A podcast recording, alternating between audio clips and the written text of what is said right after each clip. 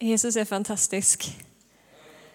Det är så, jag blir så förundrad av eh, i stunder som den här, liksom, när det är så, så okomplicerat, så okrystat eh, och han bara kommer och betjänar sitt folk. Eh, han kommer i så mycket mildhet, så mycket ödmjukhet och han känner ditt hjärta så otroligt väl. Han utforskar varje rum i ditt inre, eh, känner varje hårstrå på ditt huvud och han kommer för att tvätta dina fötter.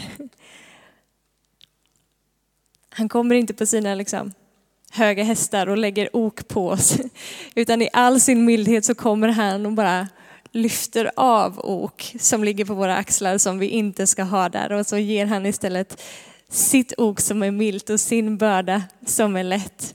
Underbara, underbara Jesus. När han kommer in i rummet, precis som Benjamin sa, så vänds allting, kan förvandlas i ett enda nu på en enda sekund. Det finns någon slags heligt utbyte som kan äga rum när Jesus är närvarande. Varför? Jo, för att han har tagit all vår skit på sig på korset. All vår sorg, all vår skam, all vår skuld, all vår tunghet. För att istället kunna ge dig det som tillhör honom. För att istället kunna ge dig liv och liv i överflöd. För att istället kunna ge dig lovprisningens klädnad istället för en modfälld ande. Istället kunna ge dig glädje istället för missmod. Han är fantastisk. Känns som att han eh, kommer det är någonting i luften idag av bara liksom inre helande tror jag som, eh, som har påbörjats och som kommer att, att fortsätta påbörjas. Så vi, vi sitter med den attityden som Benjamin sa här innan. Herre läs mig, läs mitt hjärta. Här är allt vad jag är, allt vad jag har. Jag döljer det inte för dig. Jag sitter inte och försöker beskydda mitt eget hjärta ifrån dig i den här stunden genom murar utan här är jag. Eh, jag ger dig all my broken pieces, alla mina liksom kraschade spillror som jag bär på ibland. Men när han får röra vid det så blir det förvandlat. Då blir det utbytt. Jag pratade förra veckan om eh, att följa Jesus i tro, eh, tilliten till honom av att fullt ut våga kasta sig ut på eh, det han säger att han är. Våga kasta sig ut i förtröstan på hans ord Eh, och se att hans löften bär, se att hans ord håller och att det håller för dig och mig i våra liv. Eh, och jag använde ett eh, bibelord, en bibelberättelse när det är en synagogsföreståndare som heter Jairus som kommer till Jesus. Jesus är ute och rör sig bland folk. Och den här synagogsföreståndaren kommer och säger, min dotter är sjuk, kan du snälla komma hem till mig? För att om du lägger händerna på henne så vet jag att hon kommer bli frisk. Eh, så Jesus börjar röra sig mot eh, den här synagogsföreståndarens hus. Men så blir han uppehållen på vägen av en kvinna som har varit sjuk i 12 år och haft blödningar. Och hon knuffar sig fram till Jesus och vidrör hans mantel och hon blir totalt helad på en gång. Eh, men i den här fördröjningen blev då, innan Jesus hinner fram till synagogsföreståndarens hus, så hinner dottern dö. Nu har jag fastnat med den här sladden igen. Så hinner dottern dö. Och eh, det kommer några män ifrån hans hus och säger att du, det är ingen idé att du besvärar Jesus längre för det är redan, det är redan för sent. Liksom. Det är redan kört. Vad händer i Jairus huvud då? Liksom? Men Jesus, du var ju på väg. Nu, nu är det för sent.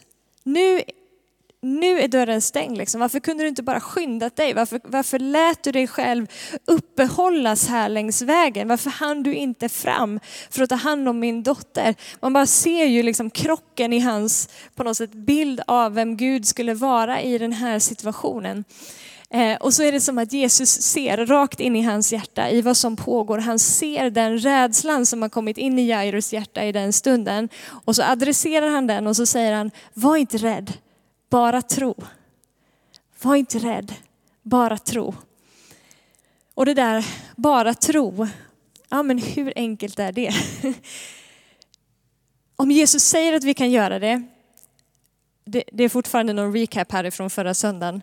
Men om Jesus säger att vi kan göra det så kan vi ju göra det. Men hur gör vi det? Hur hanterar vi det när livets omständigheter händer? När livet kastas i mitt ansikte och jag inte förstår det som jag går igenom. Eller när det bara inte blev som jag tänkte mig. Det blev ju definitivt inte som Jairus hade tänkt sig i det här läget. Han bara yes, Jesus är på väg till mitt hem. Nu kommer allt bli bra. Nu blir min dotter frisk. Och så kommer de här människorna från hans hus och bara du, din dotter dotter är död.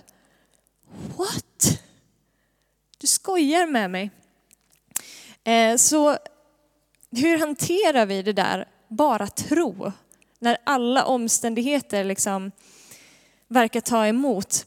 Och jag tänker att det som många gånger håller oss tillbaka från att bara tro och kasta oss ut i, i tillit är erfarenheter som vi har haft som har gjort oss besvikna där det inte har blivit så som vi har tänkt att det skulle bli. Där vi befinner oss i det läget som Jairus för en stund var i, där, där liksom världen bara går i spillror liksom och bara what? Gud, du har ju sagt det här, du är ju den här, varför blev det inte så här nu? Sådana typer av, av erfarenheter skapar känslor i oss ibland som vill mucka med våran, med våran gudsbild. Liksom. Och det gör att vi som Benjamin var inne på här förut, vi reser upp lite barriärer och murar i våra egna hjärtan för att vi, är, vi vill gardera oss själva från att bli besvikna. Vi, ingen av oss gillar ju att gå igenom besvikelse. Ingen av oss gillar att gå igenom de där smärtsamma stunderna när vi står och bara är ett enda stort frågetecken. Och vi vet ofta inte hur vi ska hantera oss själva i de tiderna. Så till varje pris så vill vi undvika det.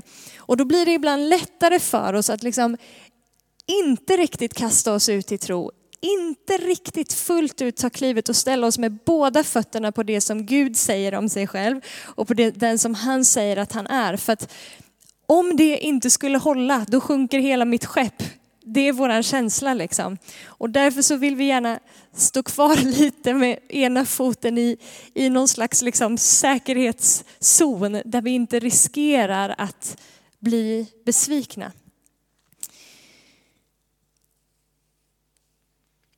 Är, ni med? är det bara jag som känner så här? Har vi varit där? Vi får bara vara ärliga med oss själva. Ska vi skippa alla fasader i kyrkan? Alltså, våran liksom, spelet som vi spelar ibland inför Gud, där vi bara, ja men du är god och jag tror, all, jag tror alltid att du är så här god och jag är alltid glad. Jag känner mig aldrig besviken på dig Gud. Kom igen. Alltså vilka tror vi att vi är? Vi behöver inte spela ett spel inför Gud, han känner våra hjärtan i alla fall. Liksom. Så låt oss bara lägga ner de maskerna här idag, inför oss själva framför allt, men också för Gud. I alla fall, det blev inte så som Jairus trodde, så som han hade tänkt att den här vägen skulle utstaka sig. Det blev på ett annat sätt. Frågan är, när det händer i ditt och mitt liv, när det inte blir så som vi har tänkt, utan det blir på ett annat sätt, är vi beredda på att följa Jesus in på den oväntade vägen? Eller stannar vi kvar där mitt i vår besvikelse och i vår bitterhet liksom, och låter det här besvikelsen grabba tag om vårt hjärta och vår gudsbild liksom, och så kampar vi där istället och, och vågar aldrig mer ta klivet ut, vågar aldrig mer kasta oss ut i tro. Eller vågar vi tro att det faktiskt finns en annan väg? Det var inte min väg, men det finns en annan väg och Gud har koll på den vägen. Vi känner igen det här fenomenet också ifrån, eh, det fanns två systrar som hette Marta och Maria. De hade en bror som hette Lazarus. Jesus kände dem. Lazarus blev sjuk och eh, man skickar efter Jesus och säger att din, din vän Lazarus är sjuk, du måste komma, liksom. du, måste, du måste hela honom. Och Jesus stannar kvar där han befinner sig i godan ro. Han gör sig ingen brådska för att omständigheterna är, är påträngande, liksom. utan här hänger jag och, och har det gött. Och han väntar i flera dagar. Och sen så tills han kommer dit så Eh, möts han då av två systrar där besvikelsen är total. Förkrosselsen är total. Jesus, vart har du varit? Nu har våran bror dött. Han ligger redan i graven och nu luktar han. Om du hade kommit hit när du hade chansen så vet vi att du hade kunnat göra honom frisk. Och nu är det kört för nu har han liksom redan dött. Vad i hela friden tänker du med? Varför gjorde du sådär?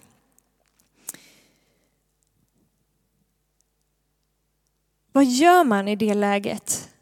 När förkrosselsen är där, när besvikelsen är total, när det inte blev så som jag hade tänkt, när, när Gud inte handlar på det sättet som jag hade hoppats och jag står i glappet mellan vad jag vill tro om vem Gud är och just nu så är det här min, min verklighet och de två bilderna limmar inte.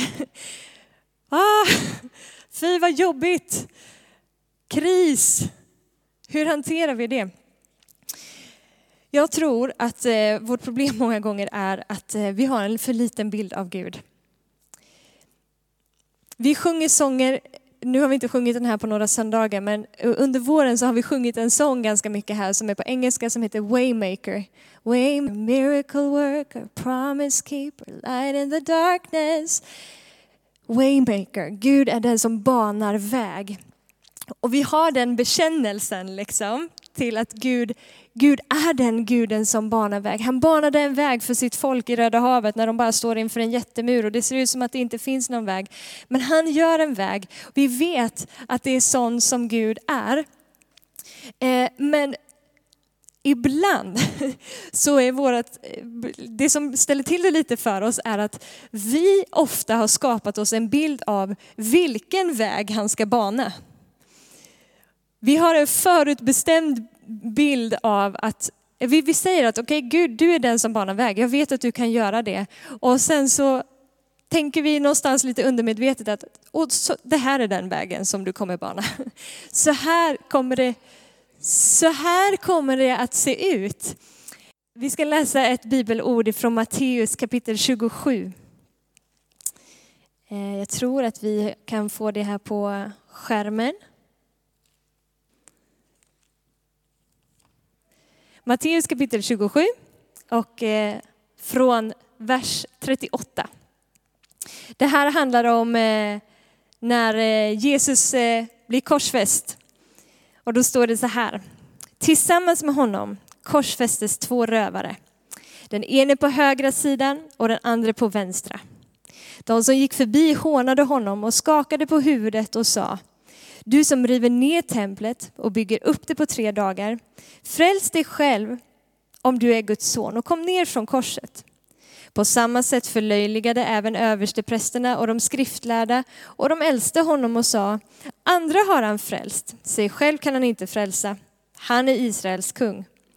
Nu får han komma ner från korset så ska vi tro på honom. Han litar på Gud. Nu får Gud rädda honom om han älskar honom. Han har ju sagt, jag är Guds son. På samma sätt blev han också hånad av rövarna som var korsfästa tillsammans med honom. Jag tänker på det som eh, vi ser här att de säger i eh, vers eh, 43. Han litar på Gud, nu får Gud rädda honom om han älskar honom. De som står runt omkring honom vid korset här, de har en bild av hur det ska se ut om Gud faktiskt älskar honom. Om Gud älskar honom, då kommer han att rädda honom ifrån det där korset nu.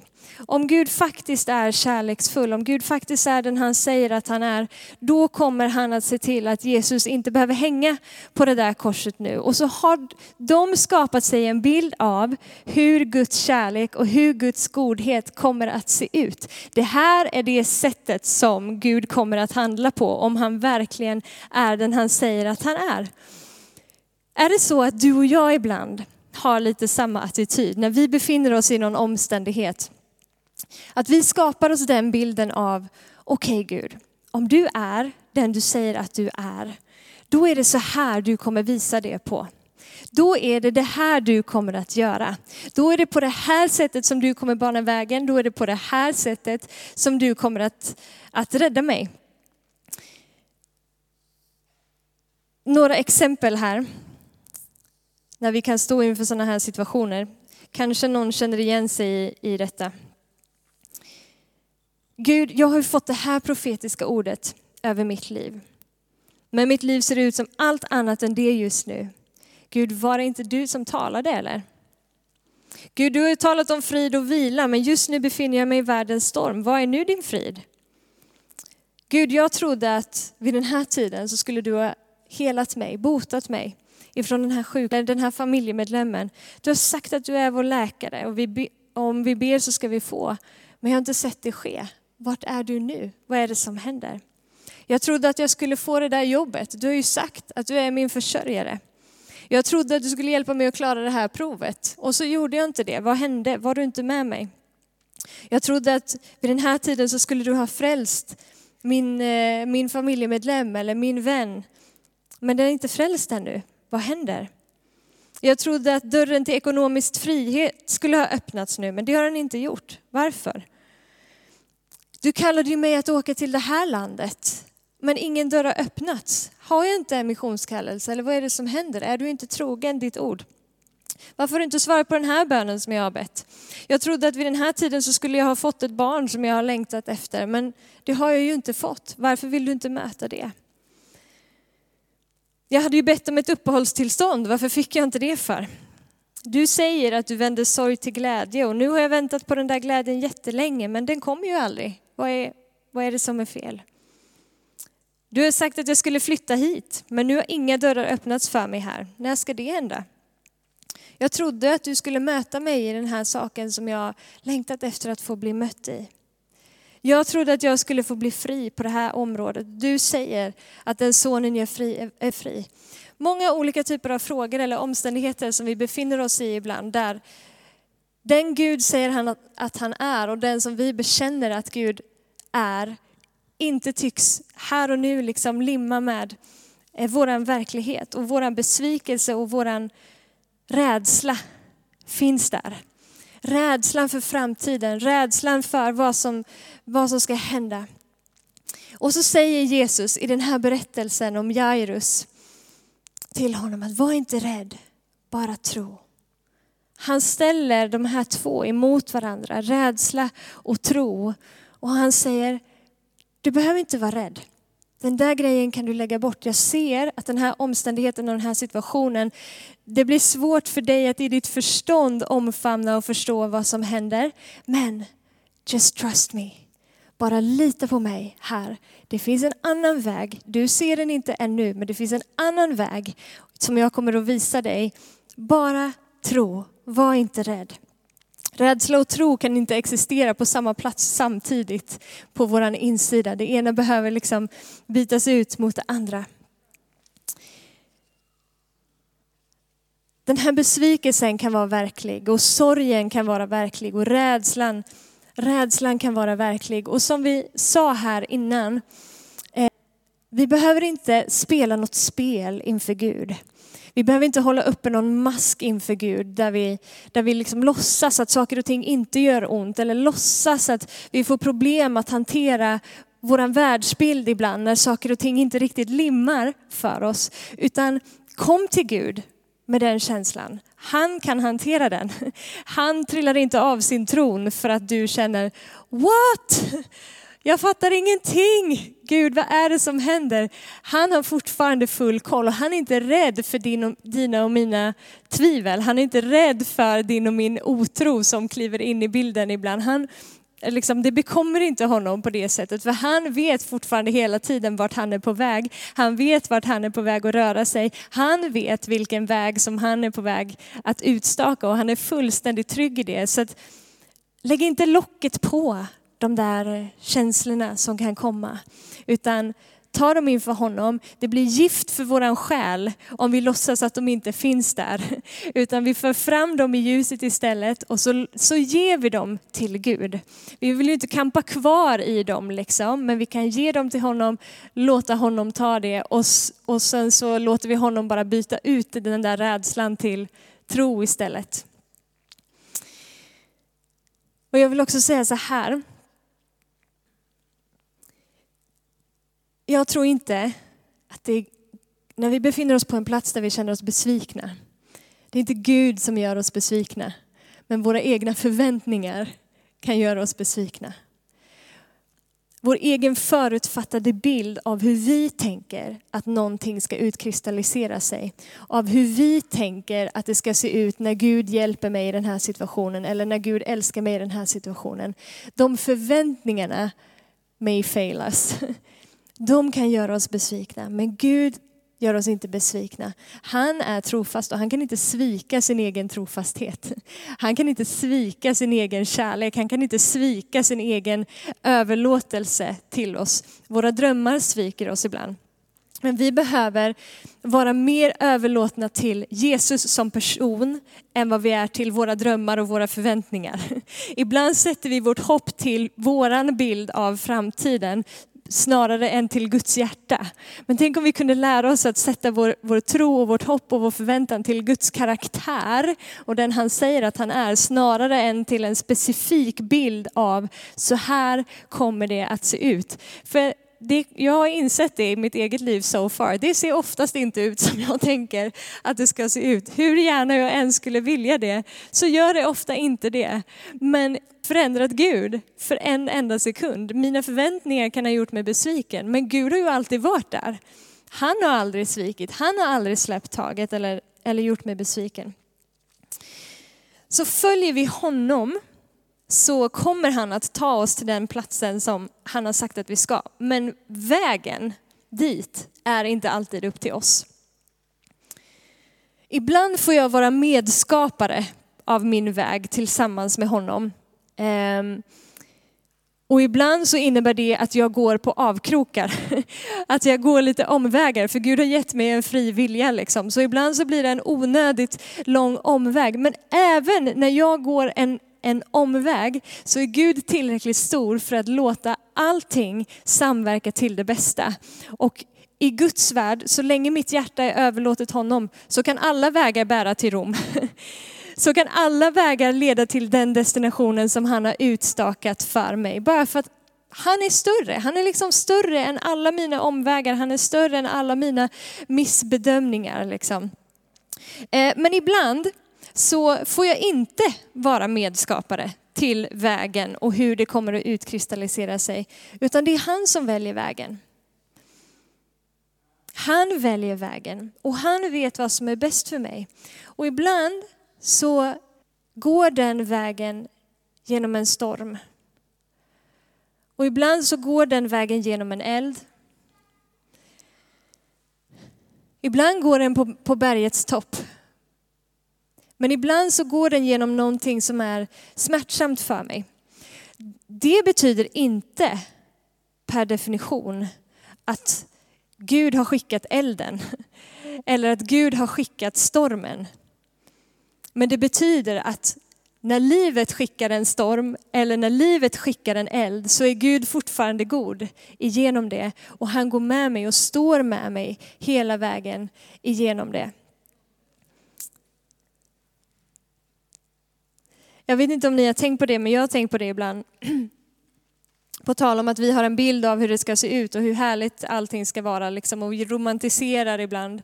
Ehm, men Jesus blev smord av anden och anden leder honom ut i öknen i 40 dagar där han testas och prövas i sin tro.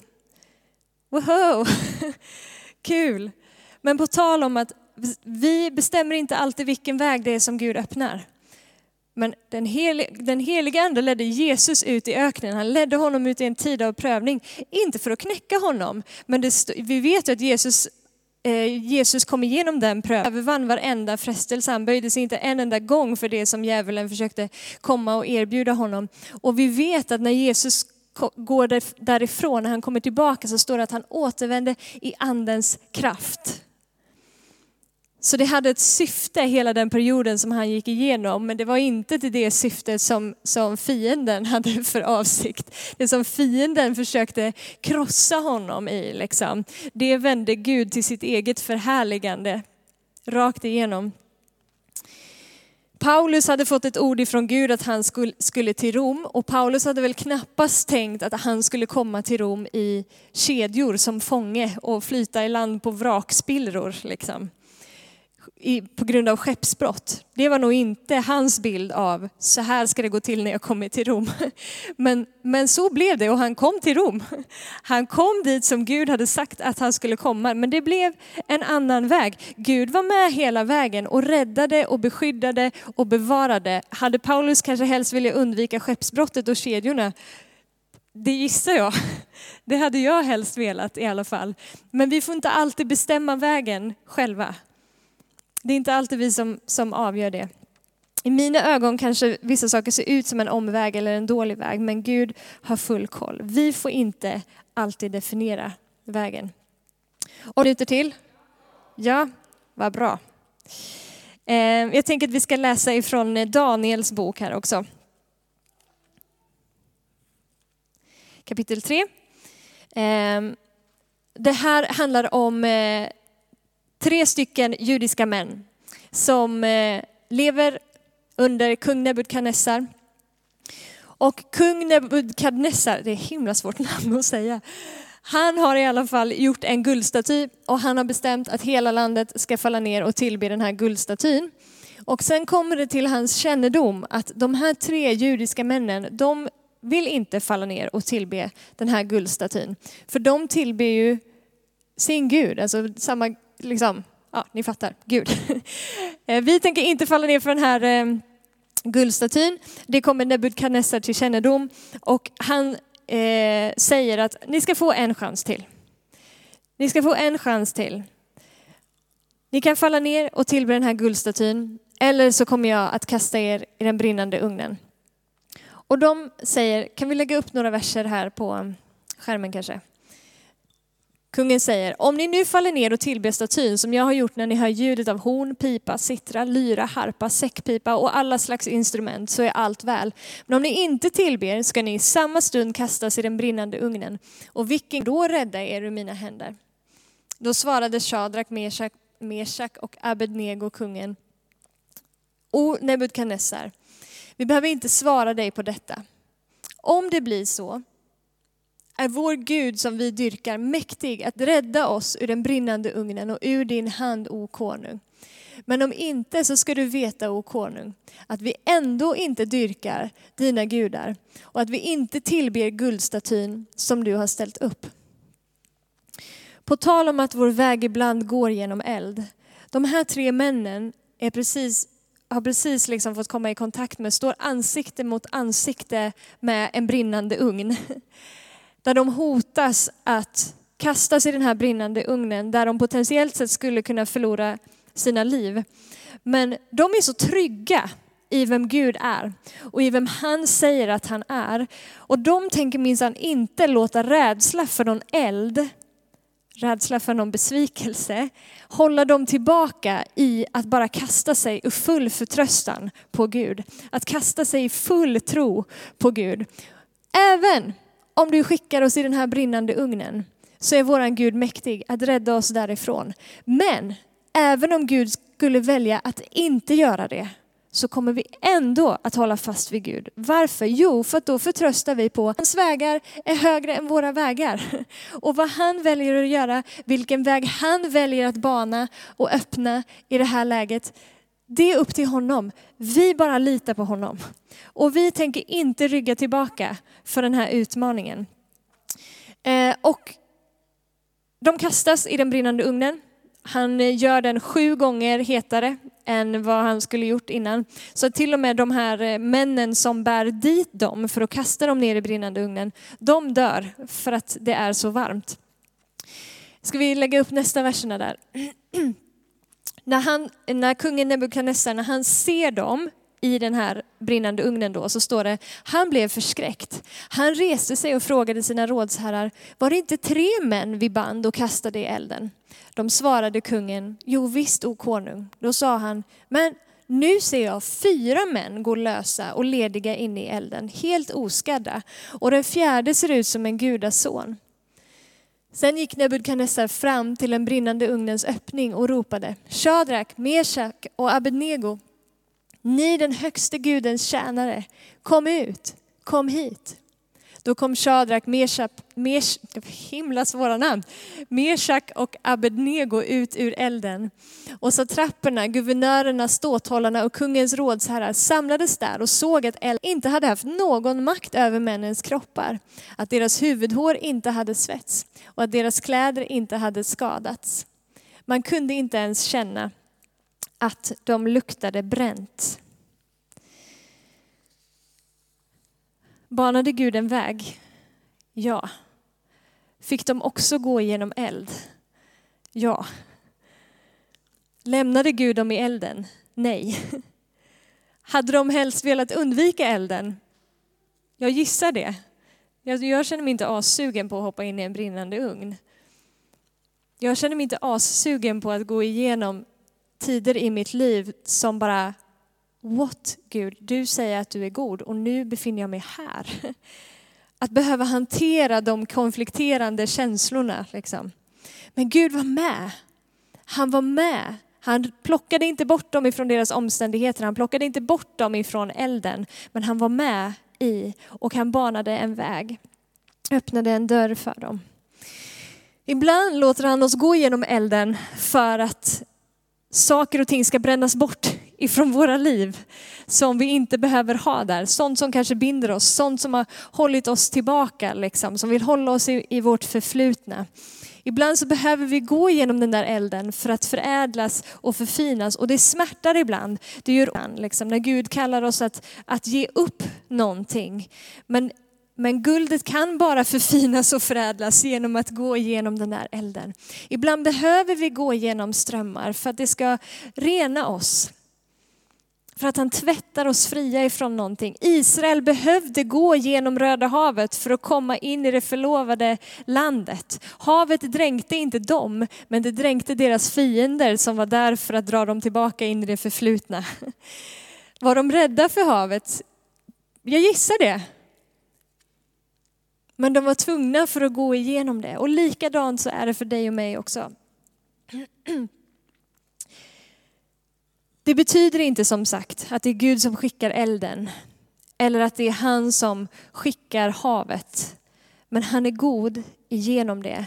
Och vad än fienden har smitt för vapen emot dig så kommer Gud att låta de sakerna vändas till sin fördel och till din fördel. Det finns ingen eld eller hav eller storm som Gud låter dig gå igenom som han inte tillåter. För han är allsmäktig. Liksom. Går vi igenom det så, så är det för att han tillåter det. Och tillåter han det så vet vi att det finns en väg igenom. Varför? För att han har sagt att han aldrig över vår förmåga. Det kan kännas övermäktigt för dig och mig när vi befinner oss i den stunden. Men hans löfte är, jag prövar dig inte över din förmåga. Kan vi bli prövade? Oh yes, men inte över din förmåga. Inte över vad du klarar av, inte över eh, liksom, ingen omständighet är mäktigare än vad hans utväg kommer att vara i den stunden. Hjälp att tiden springer. Jag har en massa bibelord kvar men vi kanske får försöka gå in för landning här i alla fall. Hans vägar är högre än vad våra vägar är. Han är the waymaker. Vi får inte alltid definiera vägen, och det blir inte alltid som vi har tänkt oss. Men han är fortfarande den som banar en väg. Han är fortfarande den som aldrig sviker. Vår egen förväntan sviker, men Gud sviker inte. Hans vägar är högre än våra vägar. Är vi redo att följa Jesus på en väg som är oväntad? På en väg som inte ser ut som den som vi hade tänkt ut i våra egna huvuden när han öppnar en annan dörr. Han botade inte Jairus dotter medan hon var sjuk, men han uppväckte henne från de döda. Han skyndade sig inte till Lazarus för att bota honom, han var sjuk. Men han kallade på den döde Lazarus ut ur graven och han kommer ut levande. Det hade ju inte Marta och Maria en aning om att det var det som skulle hända när de står där i all sin totala besvikelse och förkrosselse och sorg. Deras sinnen kunde inte omfamna det, för de hade aldrig sett den vägen öppnas förut. De visste inte att Gud kunde göra det. Och så är det i våra liv många gånger också. Vi vågar inte tro, liksom, för vi har inte sett. Våra sinnen har inte ännu liksom förstått eller kan omfamna. Men Gud har en annan väg. En annan väg som är högre och som är bättre än vad vi hade kunnat räkna ut i oss själva. Jag vill inte begränsa hans verk i mig till vad mitt förstånd kan omfamna. Men tron tar oss bortanför det. Tron låter oss förtrösta bortom det vi förstår eller det vi ser. Och här, som det var någon här som tidigare efterlyste, ehm, även mitt i det som är, i vår känsla kan vara vår största besvikelse. Det största liksom nederlaget, det största frågetecknet, den största bedrövelsen, den största sorgen eller den största smärtan. Det som känns bara som vägs ände, Herrens gränd. Som för Jairus dotter som var död. Eller Lazarus som var död. Även den besvikelsen, låt oss knyta tillbaka till det som vi läste i Matteus. Jesus hänger på korset. De som står runt omkring säger, om Gud älskar honom, då är det så här han kommer visa det nu. Om Gud älskar honom, då räddar han honom från korset nu. Valde Gud att göra det? Nej. Men lite visste de som stod där och sa så, att genom att Gud inte gjorde det där och då, genom att Gud inte plockade bort Jesus från korset i den stunden, så räddade han istället en hel mänsklighet ifrån korset. Det som såg totalt beckmörkt ut och som att mörkret hade segrat, det vänder Gud till sin största seger. Det som såg ut som döden lät Gud bli till liv för en hel mänsklighet. En hel mänsklighet skulle istället slippa undan korset. He is the waymaker. Så det som i ditt och mitt liv kan se ut som den största besvikelsen och den största återvändsgränden. Skulle inte Gud vara mäktig att kunna vända det till din största seger? Skulle inte Gud vara mäktig att kunna bana en väg ut ur det som går så långt över vad du någonsin hade kunnat tänka eller föreställa dig? För det finns inte i vår liksom, begreppsvärld, i våra sinnen. Därför säger han, förtrösta inte på, förlita dig inte på ditt eget förstånd, förtrösta av hela ditt hjärta.